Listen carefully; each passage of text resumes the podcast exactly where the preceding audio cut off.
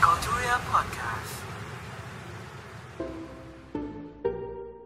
Hai, Assalamualaikum warahmatullahi wabarakatuh. Halo teman-teman psikologi UAD.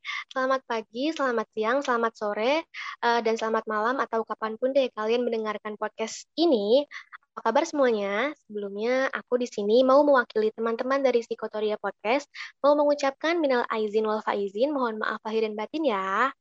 Nah, selamat datang nih di episode kedua Psikotoria Podcast. Barang aku, Siti Rafa Amira Hakam. Kalian bisa panggil aku Rafa, asalku dari Bandung, dan aku mahasiswa Psikologi Angkatan 2019.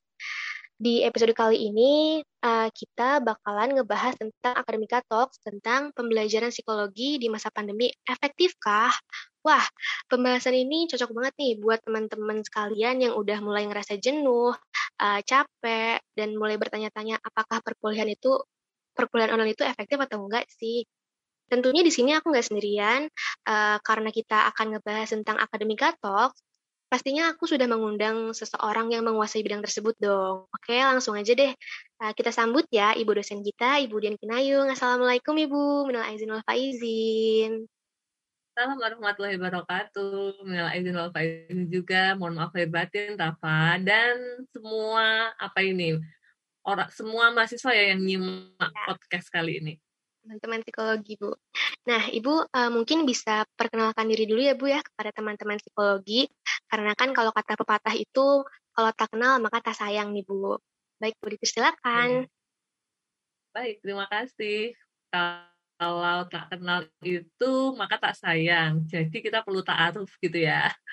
Oke, jadi sebenarnya siaran ulang sih ya untuk mahasiswa psikologi UAD tentunya sudah familiar lah sama muka saya walaupun mungkin kalau yang adik-adik 2020 atau ya anak-anak baru mungkin belum terlalu familiar gitu ya. Perkenalkan nama saya Dian Kinayung. Ah, saya biasanya dipanggil Bu Kinai karena di psikologi ada banyak Dian. Nah, pada kesempatan kali ini di sebenarnya kalau di psikologi itu saya memang mengajar mata kuliah-mata kuliah yang terkait dengan assessment gitu kayak observasi wawancara, tes bakat minat gitu ya. Kemudian saya juga mengajar mata kuliah statistika, modifikasi perilaku dan juga memang concern di pengembangan karir. Jadi saya juga ngajar mata kuliah pengembangan diri dan karir. Jadi memang biasanya jadi rujukan mahasiswa yang pengen sharing, diskusi, konseling, coaching gitu terkait dengan karir gitu. Jadi banyak yang akhirnya sharingnya sama saya gitu karena memang saya juga berminat di situ. Nah, uh, periode ini ya, jadi 2018 sampai insya Allah nanti 2022 saya diberikan amanah sebagai wakil dekan di Fakultas Psikologi, Psikologi UAD ini gitu. Jadi untuk anak-anak BEM, DPM, Ormawa, LSO itu kayaknya kalau nggak kenal saya rada kebangetan gitu ya. Karena kalau ngurusin proposal, minta tanda tangan ini itu ketemunya sama saya. Oke, mungkin itu Rafa. Oke, wah banyak ya Bu ya. nah, gimana nih kabarnya Bu akhir-akhir ini? Sehat-sehat aja kan ya Bu ya? Alhamdulillah alamin sehat-sehat gitu ya. Dah alhamdulillah masih diberikan sehat sampai sekarang gitu ya di saat pandemi yang sudah mulai masuk ke tahun kedua gitu hal yang sangat disyukuri. Mm-mm. Lebaran kemarin pulang kampung nggak Bu? Nah kebetulan saya tiap hari pulang kampung Rafa. Jadi saya Lebaran tuh nggak perlu ke mana-mana. Ya paling kembali ke tanah kelahiran karena sebenarnya saya kan lahirnya di Kelaten ya. Sempat balik ke sana itu Lebaran H plus tiga atau H plus dua ya itu pun masih kena yang pembatasan wilayah itu loh jadi mobil plat AB itu di daerah Prambanan tuh nggak boleh masuk harus putar balik makanya harus nyari jalan alternatif buat bisa masuk ke Kelatennya gitu.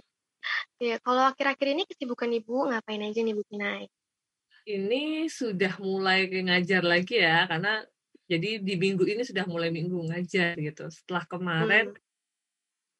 menjelang lebaran itu kan kita EUN kan hektik dengan yeah. itu. Terus kemudian sempet jadi itu kan ham, hamin berapa ya hamin empat sebelum lebaran itu EUN itu kan 3 sampai tujuh kan terus lebarannya tanggal 13 ya seminggu lah seminggu sebelum lebaran tuh hektik di situ terus habis lebaran kan liburnya juga sekitar cuma 8 sampai 9 hari kayaknya ya Hmm, iya, dua minggu. Masa-masa ya dua mingguan lah. Jadi menikmati masa-masa libur dulu gitu ya. Terus udah sekarang udah mulai kembali ngajar lagi di di seminggu ini sudah mulai kembali ke apa ya masa-masa ngajar gitu.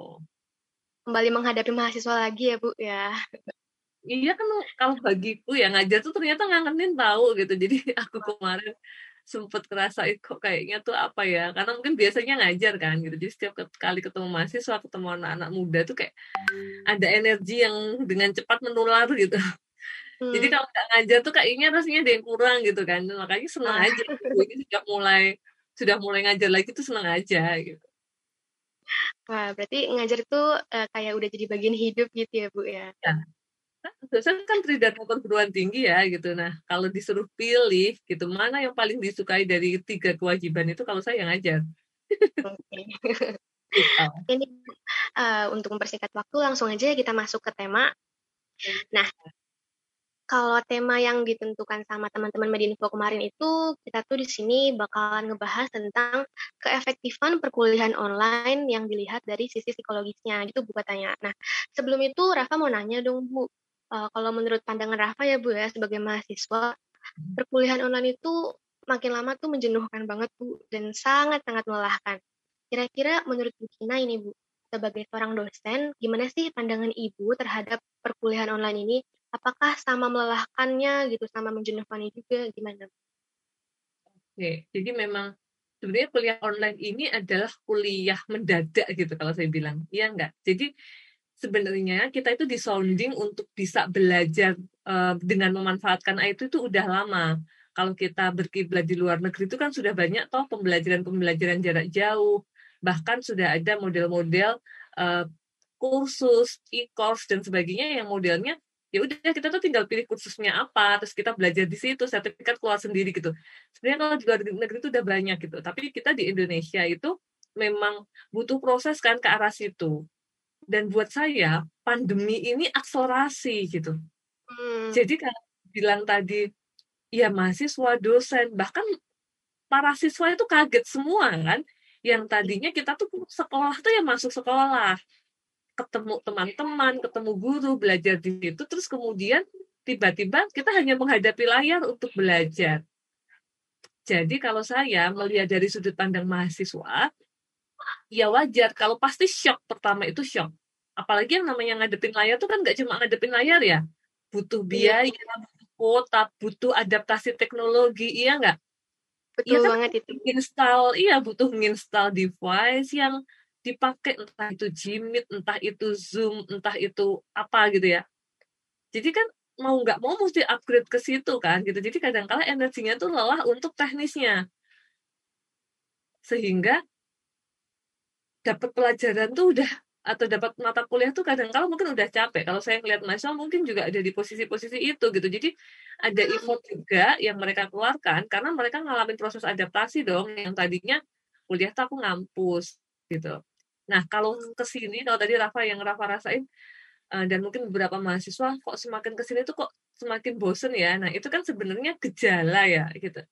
Rasa bosan itu kan gejala gitu, gejala gitu. Apa yang terjadi gitu ketika kuliah online ini semakin lama menjadi semakin bosan itu kan menjadi gejala. Ini tuh gejala apa? Hmm. Gejala memang kangen sama kuliah offline gitu karena ya. istilahnya apa ya masih merasa bahwa idealnya kuliah itu ya offline gitu. Karena ya, merasa dengan kuliah online banyak keterbatasan misalnya. Atau ini tuh gejala bahwa masa adaptasi terhadap model pembelajaran online-nya juga belum clear. Makanya masih kayak ngerasa berat aja kalau kuliah online itu gitu. Makanya jatuhnya ke bosan kalau saya perspektif dosen nih ya kan ini perspektif mahasiswa ya perspektif dosen.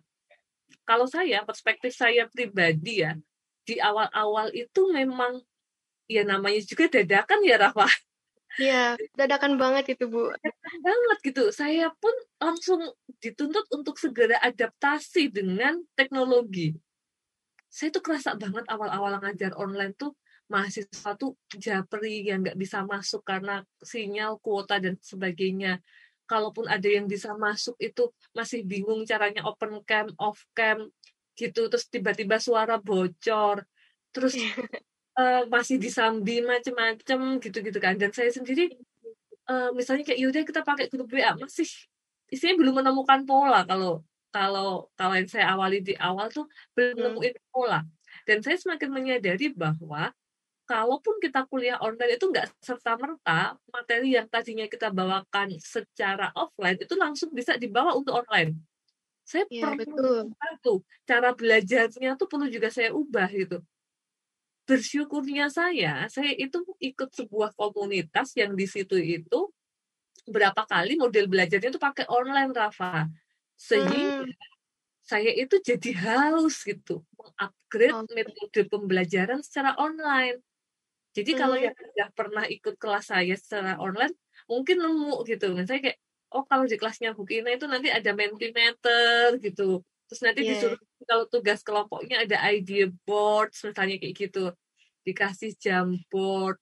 Terus kemudian nanti kalau eh, yang dapat kalau pas saya lagi bagi-bagi giveaway gitu, nanti ada wheel of fame diundi gitu. Jadi tanya kalau yang pernah ngambil kelas saya itu Vika salah satunya pernah tuh ngambil kelas saya secara online gitu. Termasuk dulu saya itu kalau pakai Zoom begini itu tuh saya rekam. Habis saya Hmm. rekam, saya unggah ke Google Drive terus saya share rekamannya. Tapi sekarang saya baru sadar kan kita bisa live stream ya via Zoom dan Iya. live stream via Zoom itu bisa kita private gitu. Jadi yang bisa lihat cuma mahasiswa yang kita kehendaki lihat yang punya linknya gitu. Dan itu lebih ngirit dan sebagainya. Jadi kalau saya ngerasanya semakin ke sini itu ya semakin terbiasa gitu, semakin terbiasa untuk oh pola online itu seperti ini gitu. Jadi semakin siap aja sih kalau saya ngerasainnya gitu. Jadi ya karena upgrade upgrade terus gitu. Walaupun memang tantangannya itu adalah membuat mahasiswa lebih aktif, membuat mahasiswa ya tadi itu Iya. itu PR kami Rafa. Jadi ketika aduh mahasiswa tuh ya hopeless gitu. Aduh Ibu, ini mau sampai kapan sih Bu online-nya? Kan saya juga sering dicurhatin kayak gitu ya Rafa. Itu tuh sebenarnya juga PR juga untuk kami gitu. Gimana ya caranya agar mahasiswa itu bisa kembali me, apa ya mendapatkan semangat belajarnya kayak waktu mereka itu offline gitu. Iya. Itu juga PR sih buat kami. Kalau misalnya Ibu bisa milih nih, Bu. Ibu lebih suka mana sih kuliah online atau kuliah offline? Tergantung deh kalau saya gitu. Jadi tergantungnya tuh begini, karena memang tadi makanya kalau ngomongin ya, mata kuliah psikologi itu kan ada mata kuliah praktek, ada mata kuliah teori gitu kan. Nah, kalau kebetulan kalau mata kuliah-mata kuliah yang saya ajar itu kan juga ada mata kuliah praktek dan ada mata kuliah teorinya kan Rafa. Iya. Jadi strugglingnya itu di situ gitu. Untuk mata kuliah teori atau mata kuliah praktek yang bisa dilakukan secara jarak jauh, itu sih Mhm. nggak salah pakai online gitu. Online. Tapi kalau misalnya untuk mata kuliah praktek yang itu kalau misalnya saya bagikan alat tesnya itu jadi melanggar kode etik, ada kemungkinan tersebar luas dan sebagainya, itu menjadi kurang efektif juga gitu. Karena kan misalnya kayak saya ngajar mata kuliah tes bakat dan minat. Kalau kalian belajar offline, alatnya disediain kan sama Mhm. laboratorium. Jadi kamu tuh datang, kamu tuh bisa langsung tuh tes di situ, kemudian nanti dikumpulkan, di scoring dan sebagainya. Tapi karena masa pandemi kan nggak memungkinkan kayak gitu ya. Jadi yang kami lakukan ya hanya nge-share gambaran tesnya. Tesnya kami tunjukkan, tapi kalian nggak punya pengalaman yang benar-benar Iya. ngerjain gitu loh. Nggak megang Bu kita itu.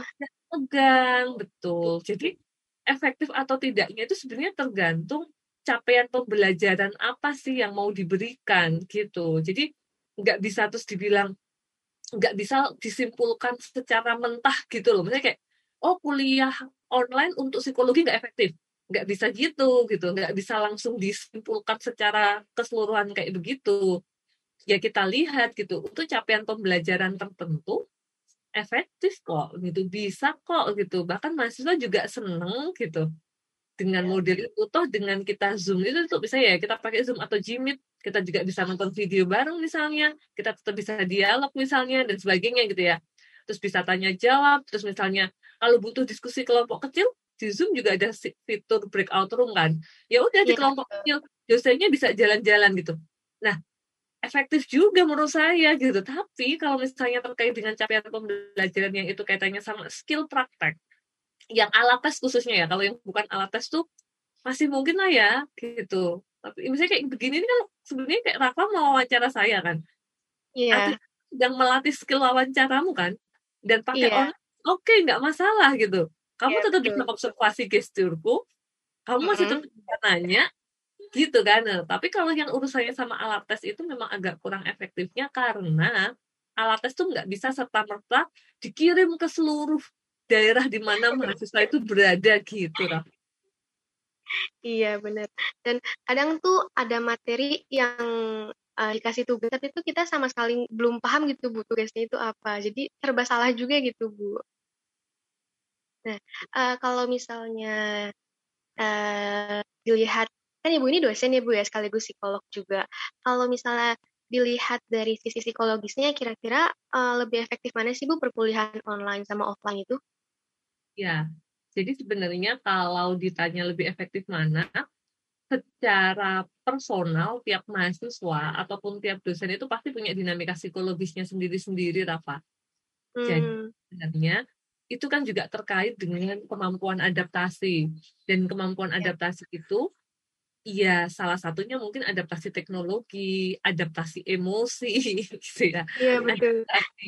Macam-macam gitu karena memang uh, istilahnya kalau kita ngomongin secara psikologis itu kan ada ya orang-orang yang memang memiliki kemampuan adaptasi yang lebih cepat sehingga dia itu tidak terlalu mempermasalahkan perasaan gitu maksudnya kayak semacam uh, aduh ini tuh ini ini gitu. Tapi dia fokusnya ada bagaimana caranya biar saya bisa tetap belajar gitu loh. Iya. jadi uh, ya itu tergantung dinamika psikologis masing-masing orang gitu. Maka kalau saya juga ketika kuliah online itu pun saya tuh selalu kasih motivasi gitu ke mahasiswa gitu. Bahwa yuk teman-teman mahasiswa kita sekarang sama-sama menyadari yuk alih-alih kita mengeluhkan kapan kuliah online ini ber berakhir yuk sama-sama kita maknai bahwa someday kita akan ada di masa belajar itu ya kayak begini gitu Iya. mungkin someday UAD itu bukanya e-course Wow. Jadi kamu tuh bisa ngambil course-course tertentu, misalnya kayak sertifikasi kompetensi tertentu atau apa gitu ya yang terkait dengan psikologi itu dari mana pun kalian berada. Jadi Hmm. dosen itu selain ngajar untuk jenjang S1, S2, tapi dosen itu punya kepakaran misalnya bisa punya license ngasih e-course yang Mhm. kamu bisa ngambil dari mana aja gitu. Mungkin kelak juga ada model di mana kuliah itu nggak harus datang. Iya. Iya nggak kebayang nggak someday akan kayak begitu. Jadi kamu pengen kuliah di luar negeri, kamu nggak perlu keluar negeri. Kamu tinggal eh, iya, kuliahnya kayak gini, gitu kan. Terus nanti kalau kamu kompeten, terus ijazahnya tinggal ngeprint. Iya ya. gitu. Iya, jadi Praktis kayak praktis, praktis, tapi juga eh, kompetensinya bisa diandalkan karena sistemnya sudah terbentuk, terbangun. Nah, saya selalu bilang gitu ke mahasiswa. Jadi kita nggak pernah tahu ya ke depannya tuh pesatnya teknologi itu akan seperti apa. Nah, alih-alih mengeluhkan kuliah online, yuk sama-sama kita beradaptasi. Karena setiap orang pasti punya cara kan untuk bisa Iya. kuliah online kayak semacam sebenarnya ya tips nih. Salah satu cara menikmati kuliah online itu ya open camp. Kalau lagi kuliah. Ya karena kalau kamu nggak open camp itu kan kamu tuh merasa aman kan. Jadi perasaannya tuh kayak perasaan kuliah-kuliah enggak gitu deh. Jadi kayak apa ya Rafa bahasanya. Jadi kayak kan dosenku tuh nggak tahu apa yang aku lakuin kan gitu. Yang Iya. misalnya aku di dimention sama dosennya aku bisa nyaut gitu. Tapi beda cerita kalau misalnya kalian tuh on cam. Kalau on cam itu kan siap-siap kan, oh iya aku mau kuliah, aku dress up dulu gitu kan, aku siapin materi, misalnya ada handout, ada buku catatan dan sebagainya, dan aku on, on cam. It means aku menunjukkan bahwa aku tuh emang siap kuliah gitu loh. Cuman memang kadangkala ada yang sinyalnya nggak bagus kan Rafa. Jadi saya pun juga Iya. bukan dosen yang memaksakan mahasiswanya harus on cam. Karena saya paham bahwa ada beberapa daerah mungkin yang sinyalnya nggak bagus itu yang pertama. Terus yang kedua, ada kemampuan finansial yang berbeda-beda untuk selalu menyediakan subsidi kuota. Karena kan memang iya, betul. kalau on cam itu kan makan kuotanya cepet kan iya. gitu gitu dibandingin besar banget gitu bu full gitu cuman memang ya inilah gitu ya ini effortnya di situ ya ibarat kata uang bensinmu tuh jadi uang kuota iya nggak sih iya. kan biasanya kan jadi, kalau kamu ngampus kan naik motor misalnya dari dialihkan gitu ya bu oh, uang jajannya Rafa izin bertanya dong bu nih kira-kira apa sih tekanan atau tantangan yang ibu alami di perkuliahan masa pandemi ini? Oke, jadi kalau yang saya rasakan, justru ketika kita itu melayani mahasiswa di masa pandemi itu jadi 24 jam gitu loh, Pak. Iya. Maksudnya tuh kayak Ibu ya. Iya, karena kan saya kayak gini, kalau dulu sebelum pandemi itu saya pulang kampus itu saya bisa bilang bahwa tugas saya sudah selesai di kampus. Tapi ketika pandemi itu kan menjadi apa ya ya mungkin karena kita jadi berpikir lebih fleksibel kan jadi kayak mm-hmm. ya udah nanti nanya aja di grup WA gitu kan nanti kalau ada diskusi bisa disampaikan ya di grup WA atau misalnya oh kuliah pengganti sampai sore dan sebagainya jadi kayak pelayanan kepada mahasiswa itu jadi kayak nggak ada berhentinya gitu jadi saya sempat ngerasa eh kok kayaknya aku terus jadi kerja terus ya gitu pasti kayak iya uh, kemudahan ini tuh membuat mahasiswa tuh jadi lebih mudah kan punya akses ke dosennya. Kalau yeah. dulu kuliah nggak pandemi itu mungkin dosen tuh berhari-hari nggak balas WA gitu misalnya ya. Tapi kan bisa ditemuin di depan ruangannya gitu kan ya. hmm, tapi kalau sekarang kan bisa dibilang jarang kan dosen nggak balas WA ya karena itu satu-satunya komunikasi karena nggak bisa ketemu gitu. Jadi saya juga pernah ada di momen saya tuh ngerasa yang ya Allah ini kok kayaknya tugasnya jadi nggak kelar-kelar sih gitu Aduh, jadi kayak 24 jam sih gitu jadi lebih kalau saya sih yang istilahnya apa ya hektiknya itu lebih ke arah waktunya Rafa bukan ke arah teknologinya ya. Karena kalau ke arah teknologinya memang kebetulan saya tuh seneng gitu sih seneng sama ya memang bukan orang komputer tapi maksudnya kalau ada updatean eh ini bisa pakai ini loh pengennya nyoba gitu. Eh nanti ada tools ini loh kalau mau ngajar nyoba gitu kan. Terus saya kayak loh ini kalau zoom tuh ada fitur gini loh nyoba gitu. Bahkan saya sampai ini jadi zoom saya ini ini kan license tuh. Saya bayar sendiri. Hmm. jadi emang saya pesen hmm. saya berlangganan zoom secara license itu pribadi. Ya karena saya ngerasain zoom itu ada banyak fitur yang memudahkan mahasiswa juga gitu. Walaupun saya juga paham ada yang bilang bu tapi Zoom tuh berat gitu. Iya iya sih. Kan gini ya harga itu sepadan kan sama fasilitas yeah. yang didapatkan gitu loh. Maksudnya sama kualitasnya itu bu sama kualitas gitu. Jadi kayak semacam oh iya saya paham gitu. Tapi kan saya biasanya juga kalau waktu awal-awal saya pandemi itu saya nyurvei loh rahmat sampean. Karena kan mm -hmm. waktu itu uh, isunya adalah banyak mahasiswa yang mengeluhkan. Uh, kalau model belajarnya itu sinkron entah itu pakai zoom entah itu pakai tapi yang kayak begini tuh makan kuotanya banyak lah intinya kayak begitu kan. Hmm. terus jadi mereka tuh memilih itu tuh sampai demo-demo kan dulu waktu awal-awal milih ya udah pakai grup WhatsApp aja yang paling ringan gitu kan. Terus saya tuh sampai nyurvei kok uh, dipakai Google Form. Hmm. biar tahu ya, iya betul. Iya jadi saya tuh make sure gitu mahasiswa tuh seperti apa gitu. Kalau misalnya sebagian besar itu nggak masalah pakai zoom ya oke okay, gitu kan dan saya juga menunjukkan bahwa kalau kamu pakai zoom itu fasilitasnya kayak gini loh gitu. Ya termasuk breakout room itu loh. Kan kalau breakout room itu kan jadi mahasiswa tuh kalau butuh saya tinggal panggil aja nanti saya datang ke roomnya. Saya bisa ya kayak semacam ya gitulah gitu. Nah itu itu yang fasilitas yang mungkin kalau kamu pakai platform lain nggak bisa. Ya bukannya saya promosi zoom juga sih Rafa tapi maksudnya kayak satu pilihan kan gitu. Termasuk di zoom itu kan juga ada surveinya jadi saya juga kadang-kadang saya pengen survei jadi ke mahasiswa udah pada baca materinya belum nih gitu saya kasih survei di situ udah itu udah bagian dari zoomnya dan itu enak gitu iya. dokumentasi tinggal di foto udah nggak masalah gitu share share sound, share share video gitu juga nggak masalah kan kita pakai Zoom. Dan juga bisa live stream langsung yang langsung ke record. Jadi YouTube saya itu sekarang, wih, videonya banyak banget karena setiap kali kuliah saya rekam.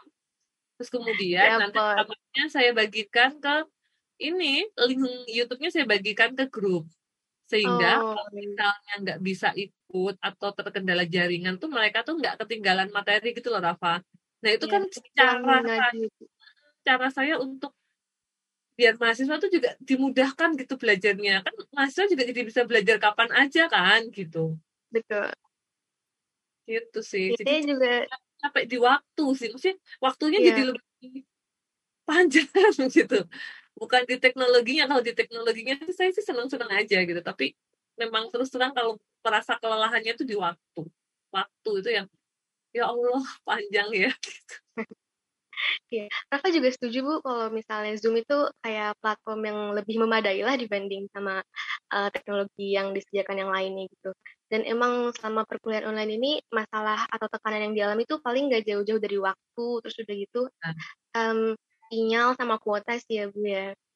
Nah, uh, kalau menurut Ibu Kina ya Bu, gimana sih cara yang efektif untuk menghadapi dan mengatasi segala tekanan yang terjadi gitu di dalam uh, perkuliahan di masa pandemi ini? Mungkin ada tips and trick yang Ibu Kina punya gitu bisa dibagikan ke teman-teman psikologi atau bahkan untuk para dosen yang mendengarkan podcast ini juga gitu. Oke. Jadi sebenarnya kalau tips untuk bisa struggling di dalam kondisi yang sulit, secara umum ya, mau kondisi apa pun ya, mau pandemi, nggak pandemi, atau dalam masalah dan sebagainya tuh, salah satu tipsnya kalau yang saya juga terapkan itu adalah syukur. Jadi Iya. kalau itu ada dalam kondisi yang nggak mengenakan itu carilah hal-hal apa saja yang bisa kamu syukuri gitu. Sebagai wujud rasa syukur itu, ya lakukanlah sebaik yang kamu Hmm. bisa. Kalau dosen ya melakukan tugasnya sebaik yang kamu bisa kan sebagai wujud syukur. Kalau mahasiswa Iya. ya melakukan tugasnya sebaik yang uh, mahasiswa bisa gitu. Jadi ya kalau saya sebagai dosen salah satu cara untuk melakukan sebaik yang saya bisa ya apa yang bisa saya siapkan untuk kuliah besok gitu. Metode apa ya yang bisa memudahkan mahasiswa untuk memahami gitu. Saya perlu browsing apa, saya perlu ngasih fasilitas apa, atau saya perlu bikin PPT uh, yang bernarasi dulu biar mereka paham misalnya atau saya perlu bikin kelompok yang kayak apa gitu. Atau saya perlu kasih giveaway apa biar mereka aktif misalnya gitu. Semangat gitu ya Bu.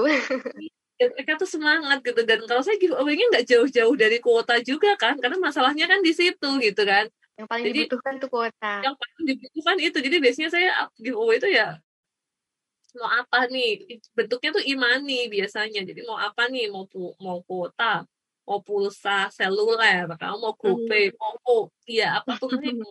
Modelnya gitu itu salah satu cara untuk yuk gitu, yuk yuk yuk gitu. Istilahnya alih-alih kalian mengeluhkan, yuk disyukuri gitu bahwa kalian itu adalah orang-orang yang masih diberikan nikmat sampai sekarang, makanya kamu masih bisa kuliah. Kan banyak juga toh Rafa yang Iya. maaf ya kondisi pandemi ini orang tuanya tuh benar-benar kesulitan loh ada beberapa loh Rafa yang sampai kesulitan bayar minta dispensasi Hmm. ya buru-buru dia mau fokus ke kuliahnya wong dia nggak tahu kuliahnya bisa lanjut atau enggak gitu makanya kan alih-alih kita apa ya ngeluh gitu lihatlah di luar sana tuh ada banyak yang kuliah aja susah bahkan ada banyak perguruan tinggi yang kolaps Iya. Bangkrut gitu ya Bu. Gitu karena mahasiswanya juga nggak bisa bayar dan sebagainya gitu. Jadi kan sebenarnya kita masih bisa dikasih kesempatan untuk kuliah dengan segala keterbatasan yang ada ya. Karena saya yakin pandemi ini setiap semua kena dampaknya kok. Cuman Iya, bedanya betul. ada yang ngeluhnya kelihatan ada yang enggak iya kan? Gitu. Iya. Jadi, itu yang nggak ngeluh tuh dia nggak ngerasain berat loh bisa jadi sama beratnya atau lebih berat cuman dia nggak ngeluh aja gitu Diam aja. aja ya gitu Bu. eh, ngikutin prosesnya aja gitu. Jadi istilahnya kita juga nggak bisa kan judgement hanya dari permukaannya gitu. Nah kalau untuk mahasiswa, kalau syukurnya sudah muncul, ya manfaatkan gitu. Sebagai wujud syukurmu tuh kamu tuh mau melakukan apa gitu. At least kamu tuh punya kenang-kenangan deh gitu. Entah itu kebiasaan baru, entah itu pemahaman Mhm. baru, entah itu skill baru selama masa pandemi ini. Nah, maka apa apa yang bisa kamu lakukan untuk kamu bisa tetap ngikutin kuliahmu gitu dengan amanah karena kan sebenarnya kalau mahasiswa kan kuliah itu amanah amanah dari orang tua juga kan gitu kewajiban gitu bu kewajiban amanah gitu jadi apa yang bisa dilakukan gitu misalnya ya tadi salah satunya tuh membangun semangatnya tuh ya di situ tadi kalau kuliah karena ini percaya nggak percaya ya. Jadi kadang kala pakaian yang kita pakai itu mempengaruhi perasaan kita loh. Hmm. cobain ya kamu kamu kan biasanya kalau kuliah ke kampus tuh kan pakai kemeja gitu kan. Iya. apalah intinya gitu. Terus ketika di rumah karena kamu berpikir kan kuliahnya cuma via online. Online kan ya bisa off cam gitu. Itu hati-hati loh dengan kayak gitu. Aku bisa off cam. Terus kamu cuman pakai daster gitu ya dengan pakai baju baby doll gitu ala-ala kamu lagi bangun tidur gitu kan beda sama kamu yang dress up misalnya kayak kamu kuliah oke aku nanti kuliah jam sekian terus kamu mandi, kamu pakai baju seolah-olah kamu kuliah duduk di depan laptop itu beda dengan kamu pakai baby doll, masih meluk bantal Iya. lagi. Nah itu nanti ngomong kayak dongeng. Terus tiba-tiba udah selesai, ini kok mahasiswa keluar ya? Ini aku mau zoomnya mau tak tutup, tapi ini kok mahasiswanya nggak keluar keluar ya? Ini kayaknya ditinggal kawan sebenarnya gitu loh.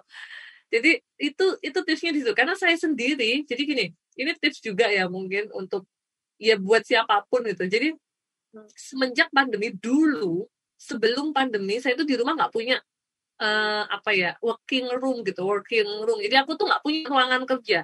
Karena dulu sebelum pandemi aku tuh kalau di rumah nggak mau kerja. Bahkan laptop aja dulu tak tinggal di kampus. Gitu. Segitunya. Jadi kalau kamu nanya strugglingku di awal pandemi itu struggling banget kenapa gitu. Jadi ngerasain adaptasinya tuh kerasa banget karena satu dulu aku tuh males buat kerjaan ke rumah.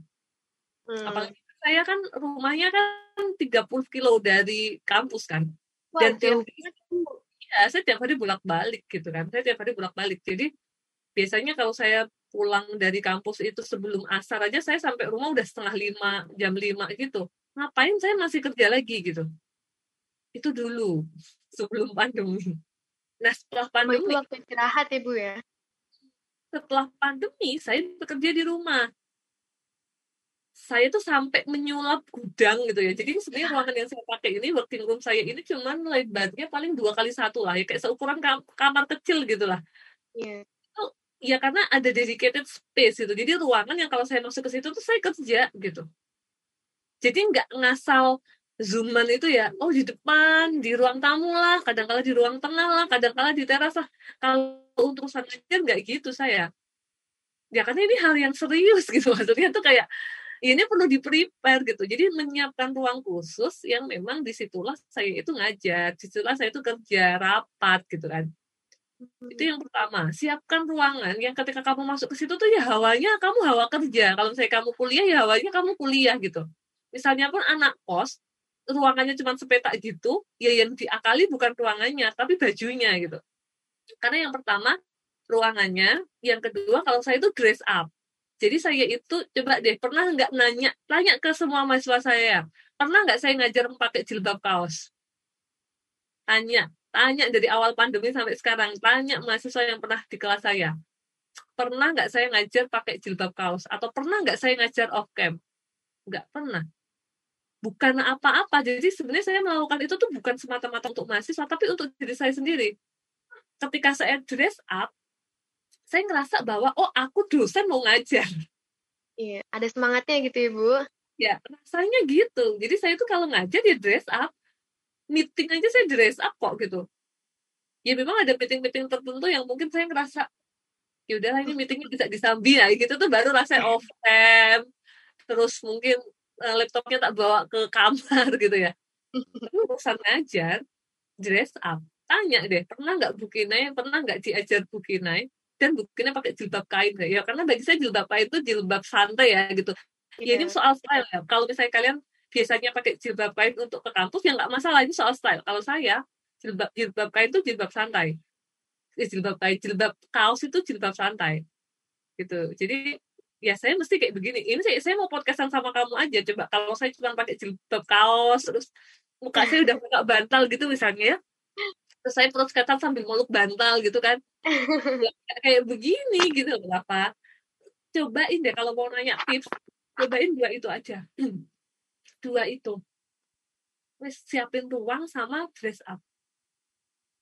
Berarti yang pertama itu ada syukur, terus uh, selain syukur itu kita harus siap-siap baik itu ruangan, untuk kuliah atau kerja dan kita juga harus siap-siap uh, untuk tubuh kita juga ya Bu seperti mandi terus dress up juga gitu ya. Nah teman-teman bisa dicoba tuh tips and trick yang udah dibagi sama Bu Kina. Siapa tahu kan bisa membantu meringankan beban kuliah yang kita rasakan ini kan gitu. Nah tadi uh, kita udah bahas tentang pandangan Ibu terhadap kuliah online. Kemudian uh, kita juga udah bahas efektif yang mana sih antara perkuliahan online itu dan offline. Sama yang terakhir, tadi kita udah bahas tentang cara menghadapi tekanan dalam perkuliahan online. Um, selama pandemi COVID-19 ini kan ada jarak ya Bu yang terbentang di antara kita. Wih, baik banget bahasa saya. um, Ibu pasti kangen dong Bu sama teman-teman psikologi.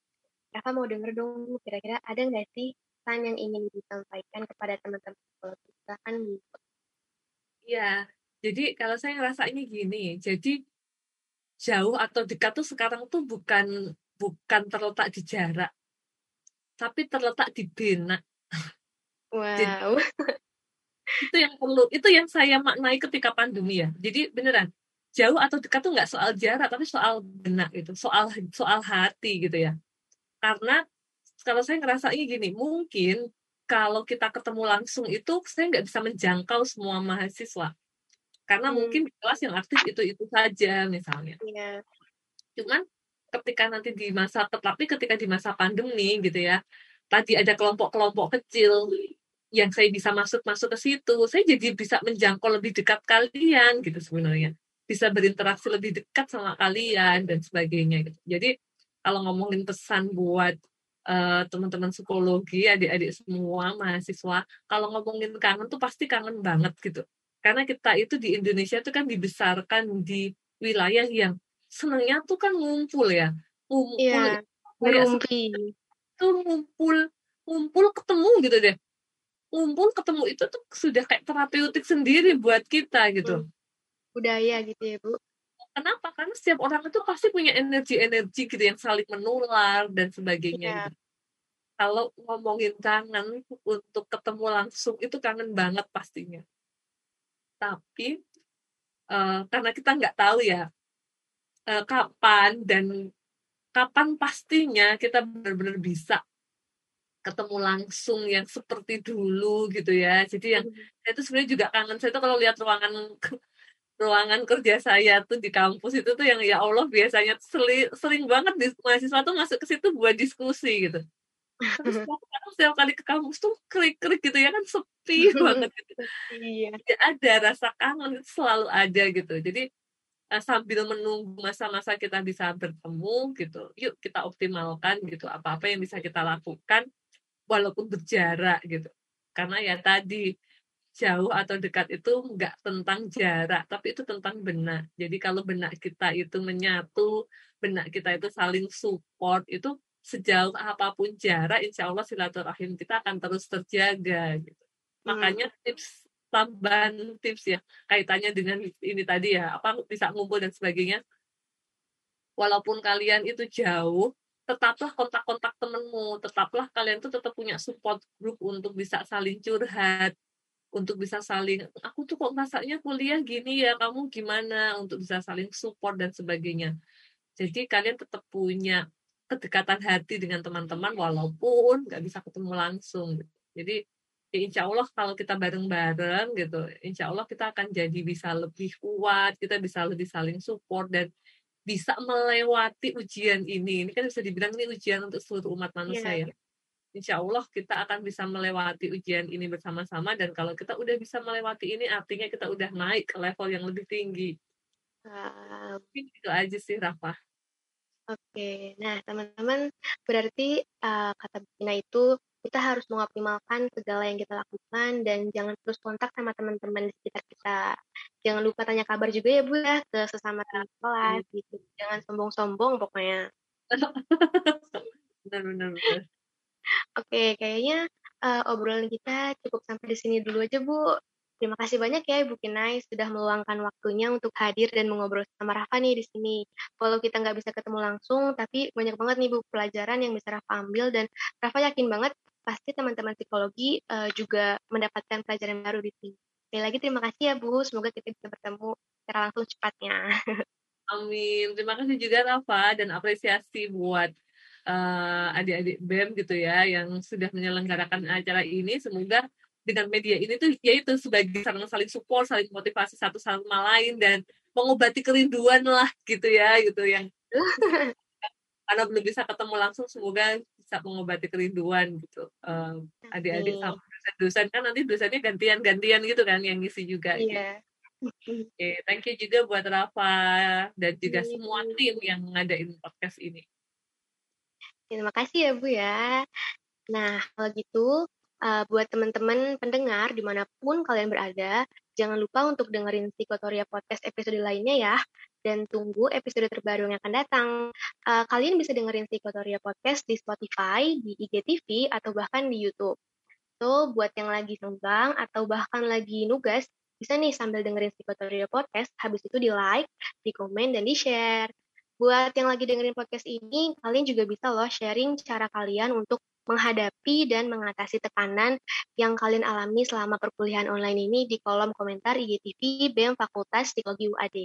Yuk kita saling sharing, siapa tahu apa yang kita berikan bisa bermanfaat buat teman-teman lainnya. Oke, kalau gitu uh, cukup sekian deh untuk uh, episode kali ini. Terima kasih ya semuanya. Aku Rafa, aku pamit undur diri. Sampai ketemu di episode selanjutnya. Wassalamualaikum warahmatullahi wabarakatuh. See you.